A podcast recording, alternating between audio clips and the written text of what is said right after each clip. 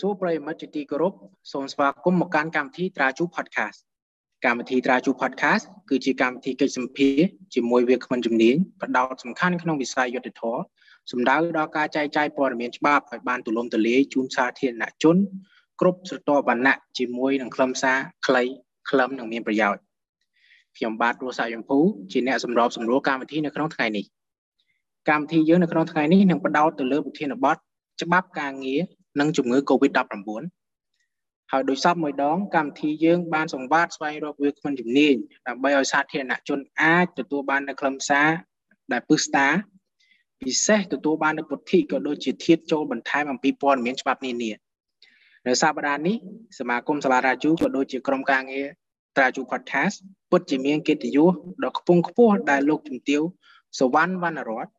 បានយល់ព្រមចូលរួមកម្មវិធីយើង ដែលលោកជំទាវនឹងផ្ដល់ជាកិច្ចសម្ភាសលើប្រធានបទច្បាប់ការងារនិងជំងឺ Covid-19 សូមគូបញ្ជាក់ផងដែរថាលោកជំទាវសវណ្ណវណ្ណរតបានបញ្ចប់ថ្នាក់បរិញ្ញាបត្រជាន់ខ្ពស់ផ្នែកនីតិធុរកិច្ចពីសាលាពីសាកលវិទ្យាល័យ Zhang Molang Liyong Tro នៃសាធារណរដ្ឋបារាំងសប្តាហ៍ថ្ងៃលោកជំទាវជារដ្ឋលេខាធិការនៃក្រសួងការងារនិងបណ្ដុះបណ្ដាលវិជ្ជាជីវៈ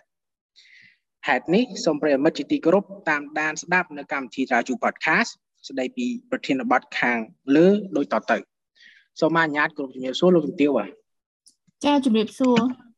បាទជំទាវជាថ្មីម្ដងទៀតក្រុមការងារពិតជាមានកិត្តិយសដែលយើងបានទទួលនៅឱកាសសម្ភាសលោកជំទាវហើយដើម្បីកុំឲ្យខាតពេលវេលាយូរខ្ញុំបាទសូមចូលទៅកាន់សំណួរទី1តែម្ដងអឺមែនតើទៅ លោកជំទាវក៏យើងទាំងអស់គ្នាបានដឹងហើយថាបញ្ហា COVID-19 បានប៉ះពាល់គ្រប់វិស័យមិនថានៅក្នុងប្រទេសកម្ពុជាប៉ុន្តែជុំវិញសកលលោក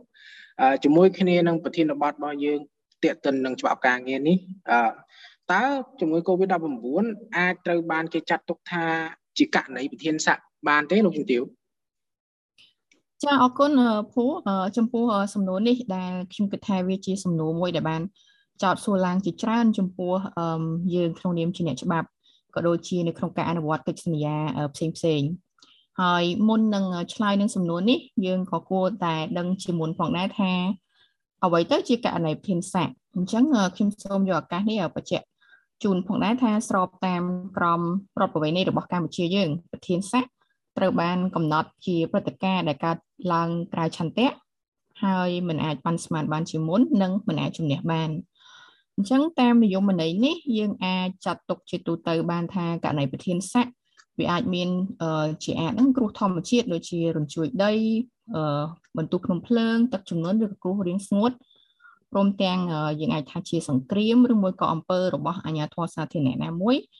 ដែលនាំឲ្យគូភាគីនៃកិច្ចសន្យានឹងគឺលោកមិនអាចអនុវត្តកាតព្វកិច្ចដែលកំណត់នៅក្នុងកិច្ចសន្យាបាន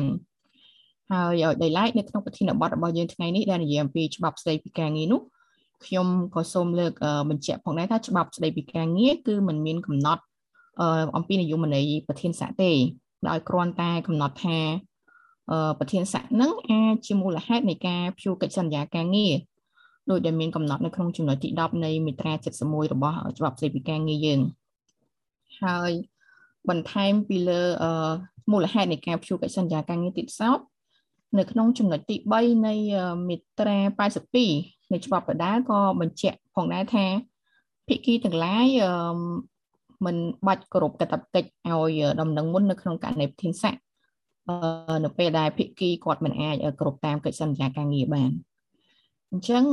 អ្វីដែលខ្ញុំចង់បញ្ជាក់នៅពេលនេះគឺយោងតាមមាត្រា85បន្ថែមគឺក្នុងករណីប្រធានស័កគឺសំដៅថានយោជកនឹងលោក មិនមានលទ្ធភាពនៅក្នុងការបំពេញខសន្យា ក្នុងករណីមានជាអាចហ្នឹងគឺទី1ការបិទទ្វារសហគ្រាសដោយរាជការសាធារណៈដែលតម្រូវឲ្យបិទឧទាហរណ៍ក្នុងករណីបិទគប់នៅក្នុងការឆ្លងរាលដាលនៃជំងឺ Covid-19 អញ្ចឹងហើយទី2គឺករណីគ្រោះមហន្តរាយដូចជាមានទឹកជំនន់រញ្ជួយផែនដីនិងសង្គ្រាមជាដើមដែលទាំងនេះគឺបណ្ដាលឲ្យអន្តរាយទៅដល់សម្ភារៈ ការងារហើយគាត់មិនអាចបន្តអាជីវកម្មរបស់គាត់បាននៅក្នុងរយៈពេលយូរហើយចំណុចមួយទៀតហ្នឹងគឺមរណភាពនៃនយោជកដែលបណ្ដាលឲ្យបិទទ្វារគ្រឹះស្ថាននៅក្នុងចំណុចនេះគឺក៏បើខ្សិតឲ្យកម្មករនិយោជិតហ្នឹងគាត់អាចទាមទារនៅប្រាក់បំណាច់ស្មើនឹងរយៈពេលឲ្យដំណឹងមុនផងដែរអញ្ចឹងហើយចំណុចទាំងអស់នេះដូចអ្វីដែលបានបញ្ជាក់នៅក្នុងក្រមរដ្ឋប្រវេណីរួមជាមួយនឹងអ្វីដែលបានកំណត់នៅក្នុងច្បាប់ស្តីពីការងារយើងអាច បញ្ជាក់បានថាចម្លើយតែមួយគត់សម្រាប់សំណួរនេះគឺ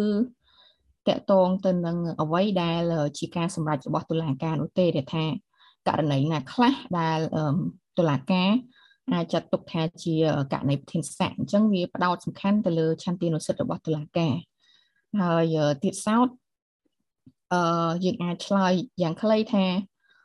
តើជំងឺ Covid-19 ជាប្រធានស័កដែរឬយ៉ាងណានោះគឺ វាអាស្រ័យទៅតាមស្ថានភាពគតិយុត្តនៃប្រទេសនីមួយៗដែលគេបានកំណត់ហើយក៏ដូចជាស្ថានភាពនៃកិច្ចសន្យានីមួយៗដែលភាគីរបស់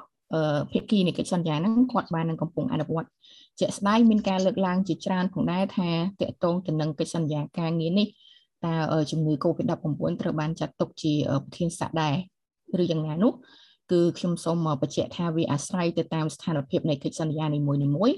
ក៏ដូចជានិយមន័យដែលបានកំណត់នៅក្នុងច្បាប់របស់ប្រទេសនីមួយៗផងដែរចា៎អញ្ចឹងខ្ញុំសូមបញ្ជាក់ខ្លីប៉ុណ្ណឹងចំពោះសំណួរនេះចា៎អរគុណ បាទអរគុណលោកជំទាវដែលបានបកស្រាយក៏ដូចជាវែកញែកជាពិសេសទៅលើករណីធានសាស្ត្រដែលផ្សារភ្ជាប់ជាមួយនឹងបញ្ហា COVID ជំងឺជំងឺ COVID-19 នេះដល់ឡែកលោកជំទាវតើជំងឺ COVID-19 នឹងទៀតសោតអាចចាត់ទុកជាហានិភ័យការងារបានដែរឬទេហើយបើសិនបើនយោជិតឆ្លងជំងឺ Covid-19 នេះនៅកន្លែងធ្វើការតើនឹងមាននីតិវិធីឬក៏ការអនុវត្តបែបម៉េចដែរលោកទាវ ចាអចំពោះសំណួរនេះវាក៏ហាក់ប្រហែលទៅនឹងសំណួរមុនដែរគឺដើម្បីកំណត់នៅចម្លើយចំពោះសំណួរនេះបាន យើងត្រូវស្គាល់ថាអ្វីជាហានិភ័យការងារអញ្ចឹងហានិភ័យការងារត្រូវបានឲ្យនិយមន័យនៅក្នុងឧបសម្ព័ន្ធនៃច្បាប់ស្ដីពីរបបសន្តិសុខសង្គមឆ្នាំ2019ដែលត្រូវបានប្រកាសឲ្យប្រើកាលពីថ្មីថ្មីនឹងដែរគឺ យើងហៅថាហានិភ័យការងារនឹងវាជាព្រឹត្តិការណ៍មួយដែលកើតឡើងដោយឥតគ្រោងទុកបណ្ដាលមកពីគ្រោះថ្នាក់ការងារគ្រោះថ្នាក់ពេលធ្វើដំណើរទៅនឹងទៅមកក្នុងពេលបំពេញការងារនិងជំងឺវិជ្ជាជីវៈអញ្ចឹងចំណុចសំខាន់ដែលបង្កើតឲ្យមានជាហានិភ័យការងារនេះគឺយើងផ្ដោតទៅលើទី1គ្រោះថ្នាក់ការងារទី2គ្រោះថ្នាក់នៅពេលធ្វើដំណើរទៅមកពេលបំពេញការងារនិងជំងឺវិជ្ជាជីវៈហើយយើងសួរបន្តទៀតថា គ្រោះថ្នាក់ការងារហ្នឹងវាជាអ្វីអញ្ចឹងនៅក្នុងឧបសម្ព័ន្ធនៃច្បាប់របបសន្តិសុខសង្គមហ្នឹងគឺគាត់បញ្ជាក់ផងដែរថាគ្រោះថ្នាក់ការងារហ្នឹងគឺសំដៅទៅដល់គ្រោះថ្នាក់ដែលកើតឡើងដោយចៃដន្យនិងភ្លាមភ្លាមនៅក្នុងពេលធ្វើការដោយនៅកន្លែងការងារផ្ទាល់ហើយមូលហេតុហ្នឹងវា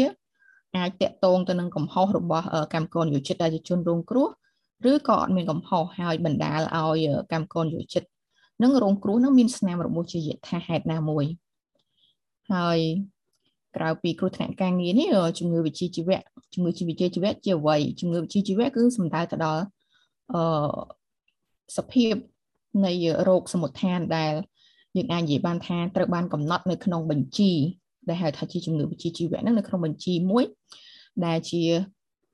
ការសម្រេចនៅក្នុងការអនុវត្តច្បាប់ស្តីពីរបបសន្តិសុខសង្គមក៏ដូចជា គោលការណ៍នៃសុខភាពនិងសុខភាពការងារអញ្ចឹងនៅក្នុងច្បាប់របស់យើងគឺมันបានកំណត់ថាជំងឺវិជ្ជាជីវៈហ្នឹងមានមានអឺយើងហៅថាជំងឺ Covid-19 ហ្នឹងជាជំងឺវិជ្ជាជីវៈនោះទេបើយើងពិនិត្យទៅលើនិយមន័យដែលបានកំណត់នៅក្នុងឧបសម្ព័ន្ធនៃច្បាប់ស្តីពីរបបសន្តិសុខសង្គមនេះហើយអឺមានតែ3ចំណុចនេះទេដែលកំណត់ទៅជាហានិភ័យការងារ ដូច្នេះហើយបើយើងពិនិត្យឡើងវិញថាជំងឺ Covid-19 វាចូលជាគ្រោះថ្នាក់ការងារវាចូលជាជំងឺវិជ្ជាជីវៈដែរឬទេនោះយើងឃើញថាវាមិនមានសញ្ញាណាមួយក៏ដូចជាលក្ខខណ្ឌណាមួយកំណត់ថាជំងឺ Covid-19 ហ្នឹងគឺជាជំងឺវិជ្ជាជីវៈឬមួយក៏គ្រោះថ្នាក់ការងារនោះទេអញ្ចឹងហើយបានយើងបញ្ជាក់ថាការឆ្លងជំងឺ Covid-19 របស់កម្មករយោជិតនៅក្នុងកន្លែងការងារនោះគឺមិនត្រូវបានចាត់ទុក ជាហានិភ័យការងារនោះទេហើយប៉ុន្តែចំណុចនេះចង់បញ្ជាក់ផងដែរថាវាមិនសំដៅថានៅពេលដែលកម្មករនិយោជិតលោកបានឆ្លងជំងឺ Covid-19 នេះនៅក្នុងពេលបំពេញការងារឧទាហរណ៍ឆ្លងពីមិត្តរួមការងាររបស់គាត់នៅកន្លែងធ្វើការនោះគឺ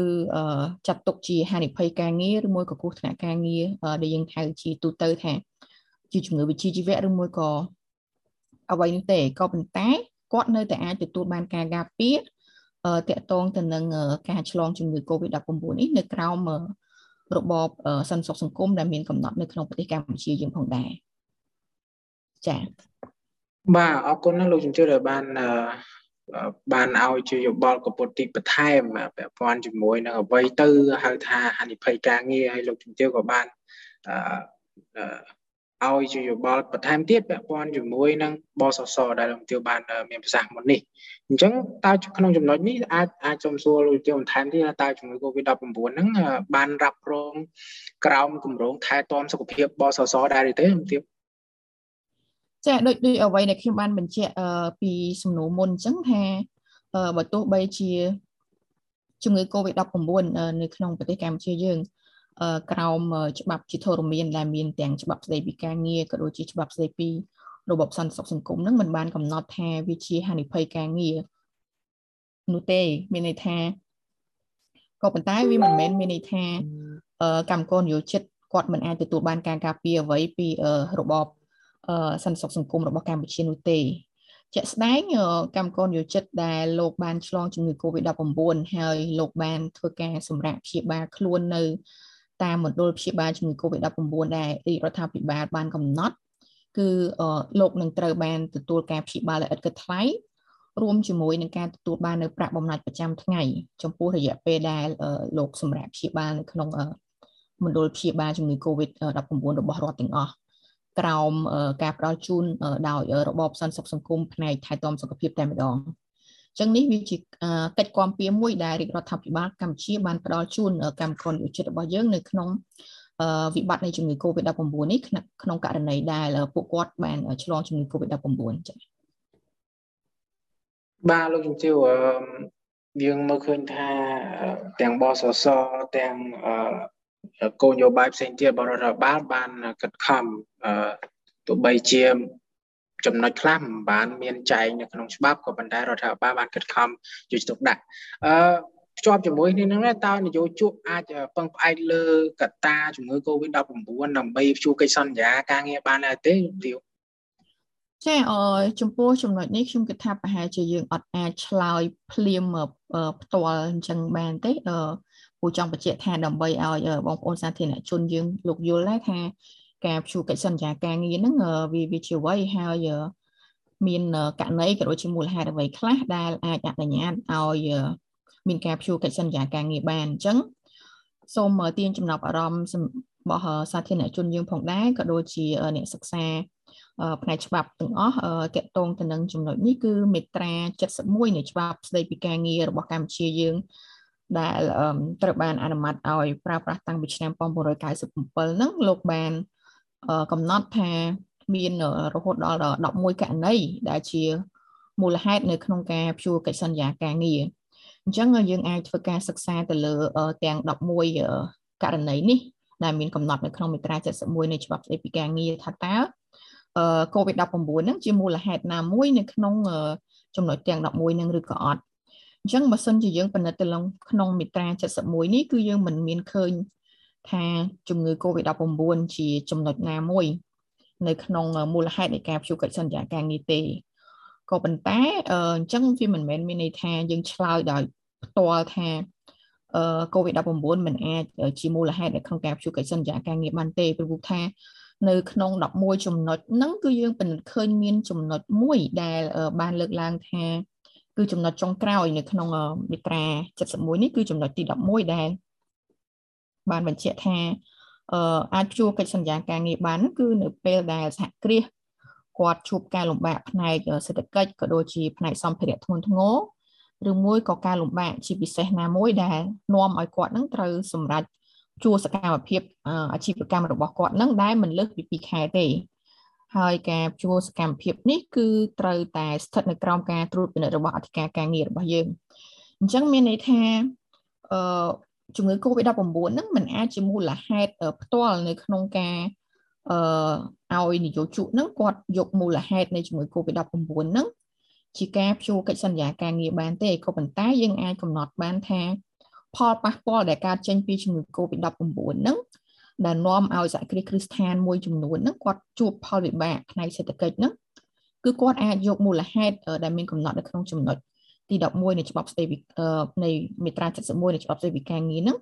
ជាមូលហេតុបានពីព្រោះថាដោយសារជំងឺ Covid-19 ហ្នឹងហើយបានធ្វើឲ្យអាជីវកម្មរបស់គាត់ខ្ញុំសូមលើកឧទាហរណ៍ក្នុងករណីអឺរោងចក្រនាំចេញផ្នែកវិស័យវិញ្ញាណភ័ណ្ឌកាត់ដេរនិងព្រឹស្បែកជើងដែលយើងបានដឹងថាតាំងពីចាប់ផ្ដើមមានការរីករាលដាលនៃជំងឺ Covid-19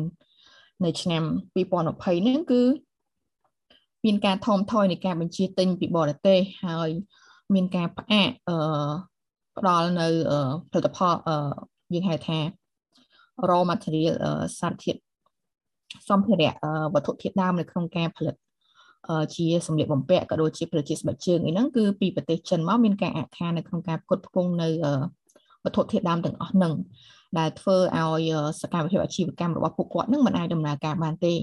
ចឹងហើយបានតម្រូវឲ្យពួកគាត់នឹងស្នើសុំមកក្រសួង តាមរយៈអធិការការងាររបស់យើងនឹងដើម្បីព្យួរកិច្ចសន្យាការងាររបស់គាត់ដែរការព្យួរកិច្ចសន្យាការងារនេះគឺមិនអាចលើកពី2ខែទេហើយទាំងអស់នេះហើយគឺជាចំណុចមួយដែលយើងបញ្ជាក់ថាការព្យួរកិច្ចសន្យាការងារនៅក្នុងវិស័យវិជ្ជាភ័ណ្ឌកាត់ដេរផលិតស្បែកជើងក៏ដូចជាការផលិតផលិតផលធ្វើដំណើរនិងកាបូបរួមជាមួយនឹងវិស័យទេសចរហ្នឹងដែលជាផលប៉ះពាល់នៃជំងឺ Covid-19 ហ្នឹង គឺជាមូលហេតុត្រឹមត្រូវនៅក្នុងការដែលអធិការការងារអាចអនុញ្ញាតឲ្យរោងចក្រសហគ្រាសហ្នឹងគាត់ព្យួរកិច្ចសន្យាការងាររបស់កម្មករយោជិតរបស់គាត់ហ្នឹងមួយផ្នែកណាមួយនៅក្នុងរោងចក្រសហគ្រាសដើម្បីទុកពេលដើម្បីឲ្យគាត់អាចមានពេលវេលាដើម្បីស្ដារ